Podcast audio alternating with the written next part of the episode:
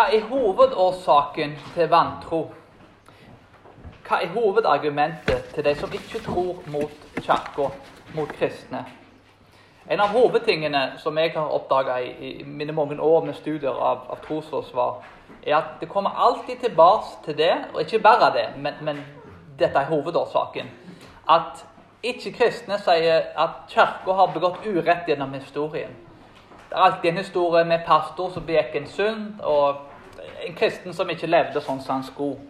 Vi har hørt disse fortellingene sikkert mange ganger sjøl, at det, hvis det kommer noe fram i mediene, så husker folk det for resten av livet. Det var han pastoren som synda, og derfor ble det gjort, altså ble brukt som en rettferdiggjørelse da, til at en ikke kan være kristen.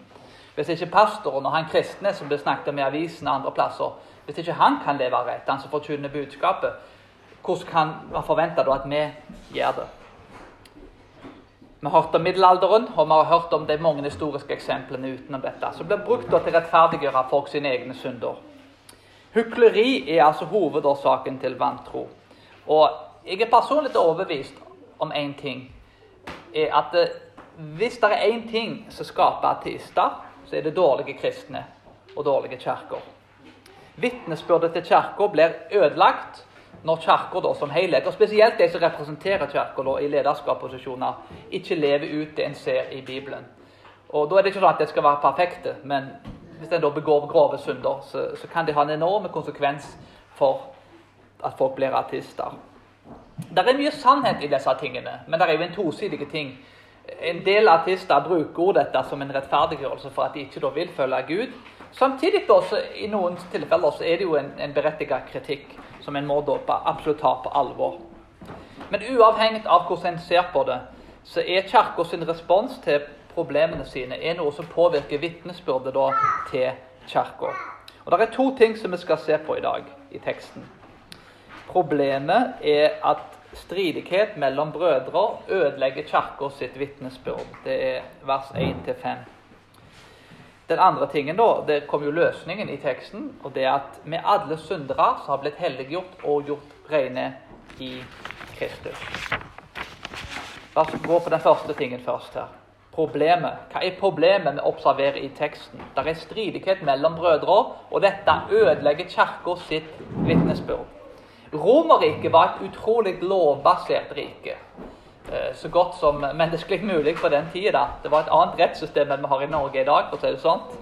Men på den tida så var Romerriket faktisk veldig god på lov, administrasjon og rett. Altså, Lov og rett var faktisk en av Romerrikets store styrker.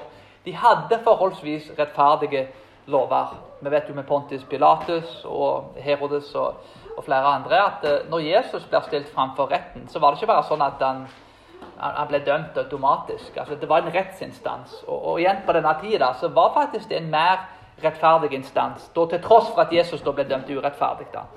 Men, men, det var jo til og med noe Pontus Pilatus til en viss grad anerkjente. Så igjen, Lov og rett var en av Romerrikets store styrker. De hadde et godt lovsystem. Og I denne verden så Paulus går inn og forkynner. I vers 1 så ser vi at Paulus stiller et retorisk spørsmål om hvorfor kristne går foran hedningen med sine saker. I vers 2 så sier Paulus at de hellige skal en dag dømme verden i endetider. Om verden skal dømmes av deg, hvorfor kan de ikke ordne opp i de små sakene? Dette er et retorisk spørsmål. Hvis dere er utvalgt av den hellige Gud til å styre sammen med Han når det er skatologisk endetidsrike, når Jesus kommer igjen for andre gang, hvorfor i all verden hvordan kan dere være kvalifisert til å gjøre sånne ting hvis dere ikke engang kan ordne opp i de små sakene utenom? Pga. at korinterne ikke fullt ut hadde Jesus som identitet, så lot de sin gamle natur få forrang foran Kristus-identiteten. Så De levde med disse to identitetene, noe som alle gjør til en viss grad. Det gamle livet forfølger oss av og til litt mer enn vi skulle ønske. Men, men korinterne hadde altså så alvorlige og grove synder som de tillot, at Jesus var faktisk ikke identiteten deres. De hadde ikke en ordentlig enhet med han i mange tilfeller. Og Det er et viktig spørsmål. Hvordan kan en være kvalifisert da, til, å dømme sammen med Jesus når endetid kommer, hvis en ikke engang kan ordne opp i interne ting i kirka? Dette poenget ble forsterka når Paulus i vers 3 sier Vet dere ikke at vi skal dømme engler? Hvor mye mer da i saker som angår dette livet? Folkene som da er kvalifisert og utvalgt til å dømme engler, må vise i dette livet at de kan dømme på viktige saker. Så med andre ord, En må vise seg verdig i de små tingene før en kan bli satt over til de større tingene. Gud har valgt de ut til veldig store ting, men de hadde ikke vist trofasthet i de små tingene. Paulus påpeker at disse rettssakene ikke bør skje. De er bagateller, og han legger dette i et eskatologisk endetidslys. Eh, han legger det fram i et lys der i endetiden skal dere være med å dømme. Og dermed da, er dette ganske små ting. Ganske ubetydelige ting. Rydd opp, litt sånn, Dreie opp sengen din på en måte før du kan gå ut og reorganisere verden. Som er et av budskapene da til, til, Jordan B. Peterson. Men det er jo dette med personlig ansvar som går tilbake til en, en, som er en bibelske ting. Igjen, en, en, må ha en viss orden på sine egne ting før en da kan være med og dømme engler. Men, det er mange måter å se dette på. Men en kan gjerne tenke da at en, en planene for oss som er kristne er, altså Gud har utvalgt oss til å gjøre store ting. Gjøre helt utrolige ting. Og vi kan ikke la de små tingene komme i veien for de store tingene. Og Dette er jo ting som vi sikkert har observert alle i livet i ulike grader. At det er folk som kunne hatt oppnådd utrolige ting, men så er det små ting som kommer i veien. Så det er veldig viktig at en ikke lar de små tingene komme i veien for de store tingene. Paulus i vers 4 sier at når dere så har saker som angår dette livet, så setter dere dem til å være dommere som ikke blir aktet for noen i menigheten. Grunnen til at Paulus vektlegger dette med rettssak og aktelse på den måten som han gjør, er at i Romerriket så var sakene lagt ut i det offentlige. Se for deg sjøl liksom, ute på parkeringsplassen her, så hadde det vært en rettssak, og alle kunne komme og høre hva som ble sagt. Så dette var altså ikke låste rettssaler. Eh, nå vet vi den, den eh, nylige rettssaker som er kommet ut i, i mediene, og sånn, der alle da kan livestreame inn. Men, men, det er ikke alle rettssaker som er sånn.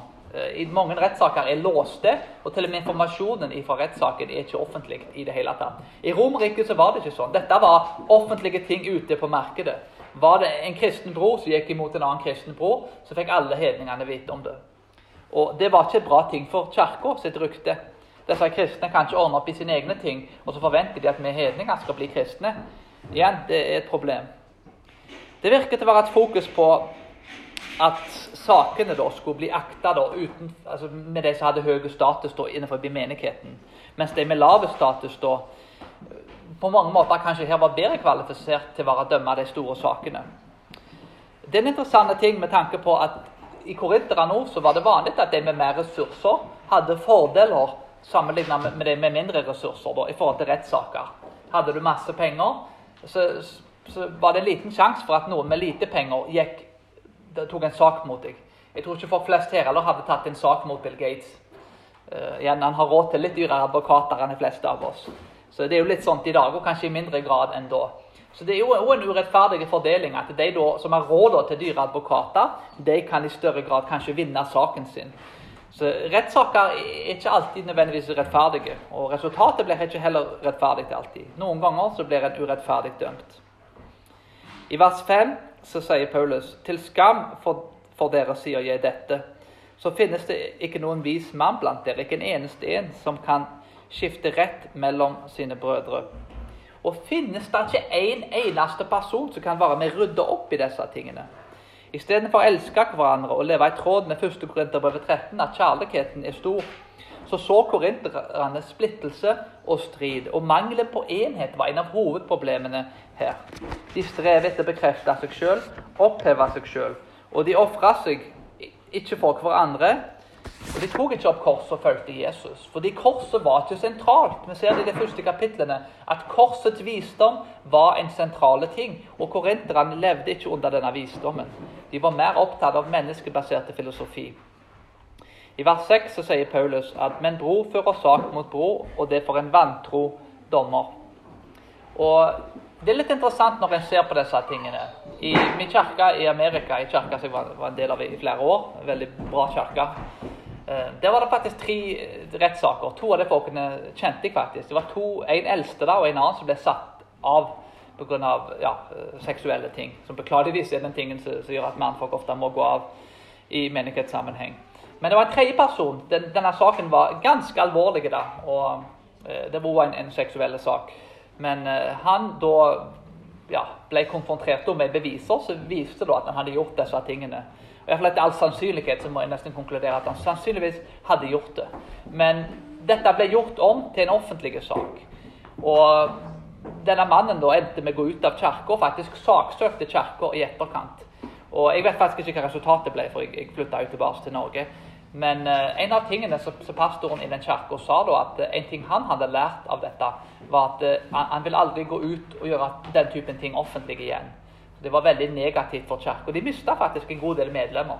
Det var noen da som mente denne karen var uskyldig, mens det var mesteparten da mente at han var skyldig. Og de som mente han var uskyldig, da, mente at han ble urettferdig behandla. Så det oppsto kanskje en sånn liten splittelse i kirka. Nå var dette ei veldig stor kirke som hadde råd til å tape folk. Men, men, eh, det er litt fascinerende å se hvordan uh, sånne konflikter internt uh, Ja, det ble ikke ordna opp i på, på, en ordentlig måte. Da, og dermed da, så, ble kirka sitt vitnesbyrd påvirka negativt. Og dette var i en kirke der det var fantastisk eldste. En god pastor. Dette var ikke det var ikke dårlige folk da. En helt fantastisk gjeng som, som da er erfarne og drevne i å gjøre disse tingene. Og det er noe med dette her I en syndig verden så oppstår det konflikter mellom brødre. Og ja, det vet jeg av erfaring sjøl òg at det er tilfellet. Og det tror jeg vi alle har erfart, kanskje i ulike grader i ulike menigheter. Og hva kan en gjøre for å forebygge disse tingene? Det første er kanskje det at når, en, når det oppstår en konflikt Det er alltid to, to, sider av en sak. Og det er veldig vanskelig, inkludert for meg sjøl, å innrømme at kanskje jeg har gjort noen feil. Og En må begynne kanskje med å innrømme sine egne feil og tenke at jeg har også gjort noen ting som har ledet til denne konflikten. Som regel er det ikke en person som er 100% uskyldig. Og Jeg tror det ofte er med å åpne opp samtalen i større grad. At en går inn i, i samtalen og i konfliktløsningen er at ja, jeg òg har gjort noen feil her. Jeg har ikke gjort alt rett. Og kanskje be om unnskyldning for de tingene som en har gjort galt. En annen ting er at eh, en må ha objektive fredsmeklere som kommer inn objektivt og ikke tar parti. Det er en, en kunst å se folk som, som, har evnen til å gå inn i ting uten å ta parti, som er helt 100% objektive. Det er en helt fantastisk ting å se. Og det er nødvendig for å løse konflikter. For en ser ikke klart når en er i en konflikt. En må ha noen, en tredjepart som ikke har noe med konflikten å gjøre, som kommer inn og rydder opp. En må vise med ord og handling at en vil bli forsont. Og jeg vet om en splittelse i en, en menighet. Så var det en da som ga mye penger til de som gikk ut. Halve menigheten gikk ut. Og han ga faktisk en ganske stor pengesum. Til tross for han var sterkt uenig med, med de da som gikk ut, så ga han en, en veldig fin pengesum for å vise at ja, eh, vi er glad i dere da, og vi vil dere det beste. Det er jo en veldig fin ting å gjøre. En må si at eh, i lys av første Mosebok, kapittel 13, at Lot og Abraham skilte lag. De var jo til og med i slekt med hverandre. Dette var jo to stykker som virkelig burde komme overens. Men til og med de måtte gå til to ulike plasser. da. Begge fikk jo mye kveg og, og var velsigna av Gud. Men til slutt da, så ga jo Abraham faktisk nevøen sin den bedre delen av, av jorda. Som er en utrolig ting for en eldre mann i denne kulturen å gjøre. Det viser jo Abrahams integritet. Men det var kanskje best for de to på det punkt å gå hver sin vei. Vi vet senere at Abraham kom for å redde Lot, så de ble ikke fiender. Men noen ganger så er det faktisk best for folk å gå ulike veier. Og noen folk så bør ikke folk engang jobbe i lag, for de er rett og slett for forskjellige. Men uansett så må en alltid prøve å jobbe med, med å forsone, og ikke bidra til mer splid og splittelse. Og en annen ting ord som vi ser her klart og tydelig, er at en må godta at noen ganger så blir en behandla urett. Gud vil dømme, og når det er da en rettssak og den typen ting, så har en rett til å forsvare seg. Men det å hevne seg er ikke bibelsk. En har altså rett til å forsvare seg, men ikke hevne seg. Og Det er en interessant kommentar her som en som heter Pelagius, som ikke er den mest populære personen i kirkehistorien. Men jeg har interessante ting å si her. da at når en tar en bror da, til en offentlig rettssak foran hedninger, så synder en mot broren da. Med at den da, hvis, hvis det blir begått urett, iallfall, at en gjør det. Det er den første synden. Den andre synden er at den ødelegger kirka sitt vitnesbyrd. Og igjen, hvis en kan unngå dette Det kan en ikke alltid. Noen ganger også skjer disse tingene. For vi lever i en syndig verden der vi alle er syndere. Men hvis en kan unngå det, så må en prøve å forebygge disse tingene. Og det kan jeg få si av egen erfaring at jo, jo, mer du kan forebygge disse tingene, jo bedre er det. Og om en gjør feil, så har en muligheten til å gjøre det rett neste gang. Så her ser vi altså et problem i teksten. Kirka sitt vitnesbyrd blir ødelagt, og Paulus prøver å gjenopprette og fikse opp i disse problemene. Løsningen her da er jo ikke da bare rent menneskelige. Løsningen er at vi må gå tilbake til en Kristus-identitet. At alle syndere som har blitt gjort rene av Kristus. Det er i 1. Korinterbrev 6, vers 7-11. Hva er det som gjør denne anvendelsen mulig, som jeg gikk inn på tidligere? Hva er det som gjør at vi kan komme oss forbi dette å bli behandla urett? I vers 7 så står det Allerede dette at dere har rettssaker mot hverandre, er et nederlag for dere. Hvorfor lider dere heller ikke urett? Hvorfor tåler dere heller ikke tap? Når det er offentlige rettssaker, så er det et tap for begge partene uansett. Om en bror går til sak mot sin bror, så har en vist mangel på selvkontroll, som er en av Bibelens frukter. En åndelige frukter. En har tapt slaget mot synden i sitt eget hjerte, og en har tapt kirka sitt vitnesbyrd i kulturen. Så det er et dobbelt tap. Vitnesbyrdet til kirka blir ødelagt, og en har tapt kampen mot sin egen syndige natur. Det er den gamle naturen som får for forrang og, og vinner fram. Det er altså en seier for Satan, og ikke en seier for Gud. Det er en seier for synden. Og det er en beklagelig ting som beklageligvis ofte skjer i menighetslivet. I vers 9 så sier Paulus Eller vet dere ikke at det, av det som gir urett, ikke skal arve Guds rike? Far ikke vil, verken hårkarer eller avgudsdyrkere eller ekteskapsbrytere eller det som lar seg bruke til unaturlig utukt med menn, som øver utukt med menn. I vers 10 fortsetter han. Eller tyver, pengegriske dranker og baktalere. Og ingen av disse her skal arve Guds rike. Alvoret her er stort. Hvis en praktiserer disse tingene Og igjen, hvorfor tar Paulus dette opp hvis ingen praktiserer det? Altså, dette er Korint, som sagt. Dette er ikke altså, vet ikke hva sammenligning, hva jeg skal bruke til sammenligning, men altså, det, er ikke, det, er ikke det, det, det, er ikke Jerusalem, kan du si, der, en, der Jesus er kommet igjen og alt er rent. Dette er en, en skitten, syndig plass da, der folk går da for å være promiskuøse. Alvoret her er stort. Paulus sier du må vise frukt. Hvis du praktiserer denne lista med synder, så, er du ikke i Kristus. Dette med å være en kjødelig kristen er ikke noe du finner i Bibelen. Og jødedommen spesielt er, er handlingsbasert, ikke i sånn negativ forstand, men det at du, du, må faktisk gjøre ting, ikke bare si ting. Frukten til Gud må virke i deg. Og Det er flere synder som ble beskrevet. Horkarer, all seksuell aktivitet som foregår utenfor ekteskapet. Avgudsdyrkere, folk som tilber andre enn den bibelske guden. Ekteskapsbrytere, den som er utro mot sin ektefelle.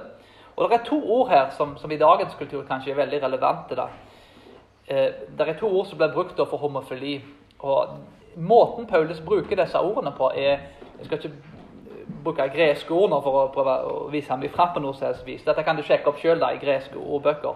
Men altså, det er malakos asenekoi. De bruker to ulike ord for homofili. Det står der 'den som lar seg bruke til unaturlig utykt'. altså Oversettelsen da blir 'soft effeminate'. Den beste måten å forstå dette på er den passive rolla i homofili. Altså Dette med homofili og heterofili er, egentlig ganske moderne kategorier. Romerne tenkte ikke på den måten. De tenkte på hvem er den passive og aktive personen eh, eh, blant homofile, og, og, blant heterofile for den del. Mest vanlig da for yngre menn har en mer passive roller da, med, med, eldre menn. Arsene Koite da, er den aktive, dominante partneren da, i et homofilt forhold. Så Paulus beskriver altså, at både den passive og den aktive synder mot Gud, i likhet med avgudsdyrkere, horkarer og andre. En annen synd som blir nevnt, er pengegriske. Grådighet er faktisk en ting som er en synd i Bibelen. Og Jesus snakker kanskje mer om det enn noe annet. Drankere og drikke seg fulle er en synd. Baktalere, baksnakking, er jo en ting som kanskje svært sjelden blir snakket om. Men det er faktisk en synd rent bibelsk sett. Og En annen ting er jo røvere. Vi, tenker jo at det er jo en ganske åpenbar ting som jeg ikke, sikkert ikke trenger forsvare engang. Men det som er den gode nyheten her, er at alle dette er synder, som åpenbart er et problem i denne byen. Og Paulus sier i vers 11.: Slik var det en gang med noen av dere, men dere har latt dere vaske rene. Dere er helliget, dere er rettferdiggjort i Herre vår Jesu navn med Guds ånd. Alvoret som sagt, er så stort her at Paulus må gå tilbake til evangeliet og han må minne dem på at dette handler om frelsen. Dere var sånn før. Dere gjorde disse tingene før. Dere levde i Egypt før. Flere av referansene her er faktisk fra 3. Mosebok kapittel 18 og 20. Der det er nevnt mye seksuelle synder. Og Det er der Paulus har i tankene når, når, han, når han bruker en del av disse ordene. Og Det gamle livet i Egypt det skal dere legge tilbake. Akkurat som 3. Mosebok. Vær hellige fordi jeg er hellige. Det er et likt budskap her. Vær hellige. Ha frukter fordi at dere er gjort rene av Jesus Kristus. Det er ikke sånn lovisk budskap. Lev rent, lev hellig, og så blir du rettferdiggjort. Nei, det er akkurat motsatt. Du er rettferdiggjort, og derfor skal du leve hellig. Med andre ord, du er innpoda på Jesus som et tre, og dermed er du greiner som bærer frukt fordi du er i Han. Det handler ikke om å gjøre fordi at en blir frelst, men det handler om at en er. Og pga. at en er, så vil en gjøre. Ikke for å bli frelst, men fordi en allerede er frelst. Dette er jo da beviser og frukter som viser at eskatologisk og endetidsmessig så kan de leve sammen med Gud og dømme til og med englene. Men de må vise det med gjerningene sine, og ikke bare med troen. Her ser vi at Paulus snakker om disse syndene. Og han vil jo da at de skal bli minnet på identiteten i Kristus.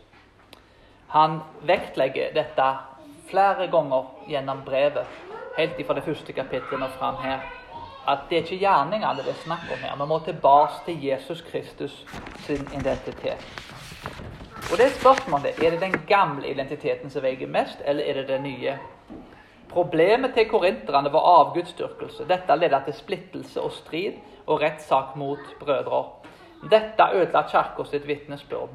Og Gud ble derimot ikke tilbedt som så han burde. Når avgudsdyrkelsen, når andre ting enn Gud får rom i hjertene våre, så gjør vi ting som vi ikke bør gjøre. Og alle disse andre tingene Vi tenker ja, vi går ikke ned på, på knærne og tilber ja, utskårne bilder. Men det er mer utskårne bilder som lever i hjertene våre i dag, enn kanskje det var til og med på Romerriket. Det er mange måter å begå avgudsdyrkelse på. Avgudsdyrkelse er alle tingene som får større fokus enn Gud. Hvis det er noe i livet vårt som er viktigere enn Gud, så er det en form for avgudsdyrkelse. Og Det er den måten faktisk Det gamle testamentet beskriver avgudsdyrkelse på. Og igjen, Det er mange synder og mange måter i en avgudsdyrkelse. Men for å være litt sjølkritiske kanskje mot oss reformerte da, Jeg kommer jo fra Westminster Theological Seminary. og og til og med i mitt kirkesamfunn så, så, har det av og til kanskje vært en tendens eh, Det er et essay som er skrevet, da, en artikkel, som heter 'Machens Warrior Children', altså Machen sine krigerbarn. Og der da, så, På den institusjonen som jeg studerte teologi, som er en fantastisk plass som jeg virkelig anbefaler folk til å studere, så kan være med, og kun, nesten kun positive ting å si om den plassen. Men av og til da, så har det vært et rykte der at uh, folk har vært ekstremt dogmatiske. har det vært veldig viktig kan du si, å knuse liberalismen den liberale læra. Og av og til så hadde det blitt gjort med en hardhet og en kjærlighetsløshet som gjorde at det kan bli en avgud dette har rett. Og vise disse folkene at de tar feil, og jeg tar rett. Og det kan bli en form for selvhevdelse. Og ikke da en kjærlighetsfull måte å kommunisere på. Og Dette er altså teologer og, og, og gudelige og hellige folk. Men dette å ha rett i den sammenhengen eh, kan faktisk til og med bli en avgud. Og En som alltid sa at jeg, jeg jeg vant argumentene, men jeg tapte personen. Det er mye visdom i den setningen. Avgudsdyrkelse kommer på alle ulike måter, og vi kan gjerne peke på andre sin avgudsdyrkelse. Men sannheten er at vi har alle ulike avguder i hjertene våre. Altså, vi jobber daglig for å bli kvitt. Så, så igjen, det er mer enn nok å, å påpeke i våre egne liv. Og dette er jo bare et eksempel på det. Som en anvendelse på disse tingene, da, så må en gå tilbake til Jesus Kristus som identitet. Jeg må forkynne Kristus i menigheten. Jeg må forkynne Kristus til familien. Og jeg må forkynne Hans nåde. Nåden produserer hellige gjerninger. Evangeliet produserer hellige gjerninger. Men det må være Jesus Kristus som er fundamentet for alt vi gjør. Vi har en sterk tendens til å hente identiteten sin fra å være norske fra vår kultur, fra masse andre ting. Det kan være til og med være konservative, liberale, kanskje moderate. Alt dette kan bli en identitet som får et forrang foran Bibelens identitet. Men en kan ikke skape hellige gjerninger uten at Jesus og nåden er identiteten. Og Dette må en forkynne og formidle hver dag til oss sjøl til familien vår og i menigheten. I denne sammenhengen da, så ser vi jo da at noen ganger så blir en behandla urett. Og dette ser vi jo igjen. Og noen ganger så går det ikke alltid sånn som vi vil at det skal gå. som vi ser her i teksten. Noen ganger så kan en til og med ha vært oppriktig og ærlig med folk. Men allikevel så kan en kanskje bli hengt ut av ei, av ei avise og tenke at ja, kanskje Jonas han er en farlig fyr som kommer og ødelegger Hamar. Eh, eller det kan være en annen som, som blir hengt ut, og kanskje urettferdig, og kanskje til og med løgner som, som, som blir sagt om en.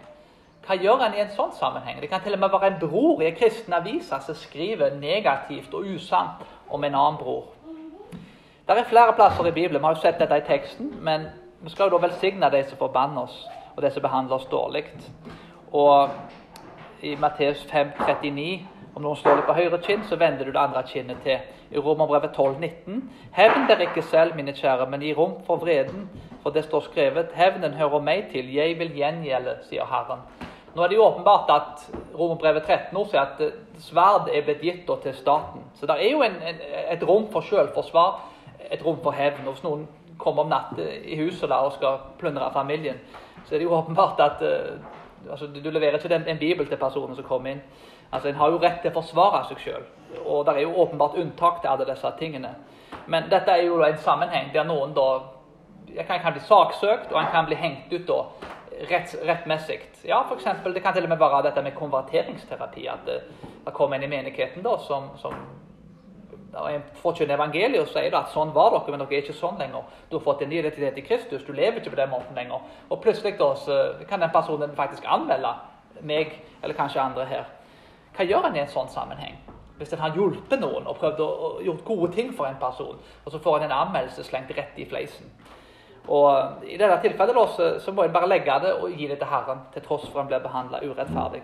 Og Det er ikke en enkel ting å gjøre, men jeg tror det er i hvert fall en, en bibelsk ting. Og Grunnen til at vi kan gjøre disse tingene, grunnen til at dette er mulig, er at en må ta opp korset og følge Jesus. En trenger mer kors og mindre verden. I korinterne var det for mye av verden og for lite av korset. Ingen kristen vil ha en motivasjon og krefter til å bli behandla urett og respondere på denne måten. Jeg vet derfor for min del at jeg har ikke alltid respondert sånn som jeg burde ha gjort når urett har blitt begått mot meg. Men rent menneskelig sett så er det helt umulig. Men pga. at Jesus ble behandla urettferdig for vår skyld Han tok på seg alle tingene for vår skyld. Han lidde for vår skyld. Pga. det så kan vi klare det òg. Vi kan ta opp korset og følge Kristus. Og han har gitt oss Den hellige ånds kraft, at vi kan vandre ut i hans ferdiglagte gjerninger. Og på grunn av det da, så kan vi leve i det eskatologiske endetidsriket og forventningene som kommer med det. Der vi da etterfølger Jesus og vite at han gir oss kraften til å klare disse tingene. Og når er gangene vi feiler, er gangene vi ikke oppnår disse målene, så vil vi likevel prøve å fortsette. Reise oss opp igjen og bli bedre neste gang. Når vi gjør store feil, så er det én ting vi kan gjøre. Vi kan lære av det, og vi kan bli bedre. En, til og med når en, en får kritikk av feil en gjør, så er det ikke det er en mulighet. Noe, mer enn noe annet er det en fantastisk mulighet til å vite at Kristus har gjort oss rene. Vi levde sånn før. Vi trenger mer Jesus-identitet og mindre verdens identitet. Med det i minne så, så avslutter vi med en bønn. Himmelske Far.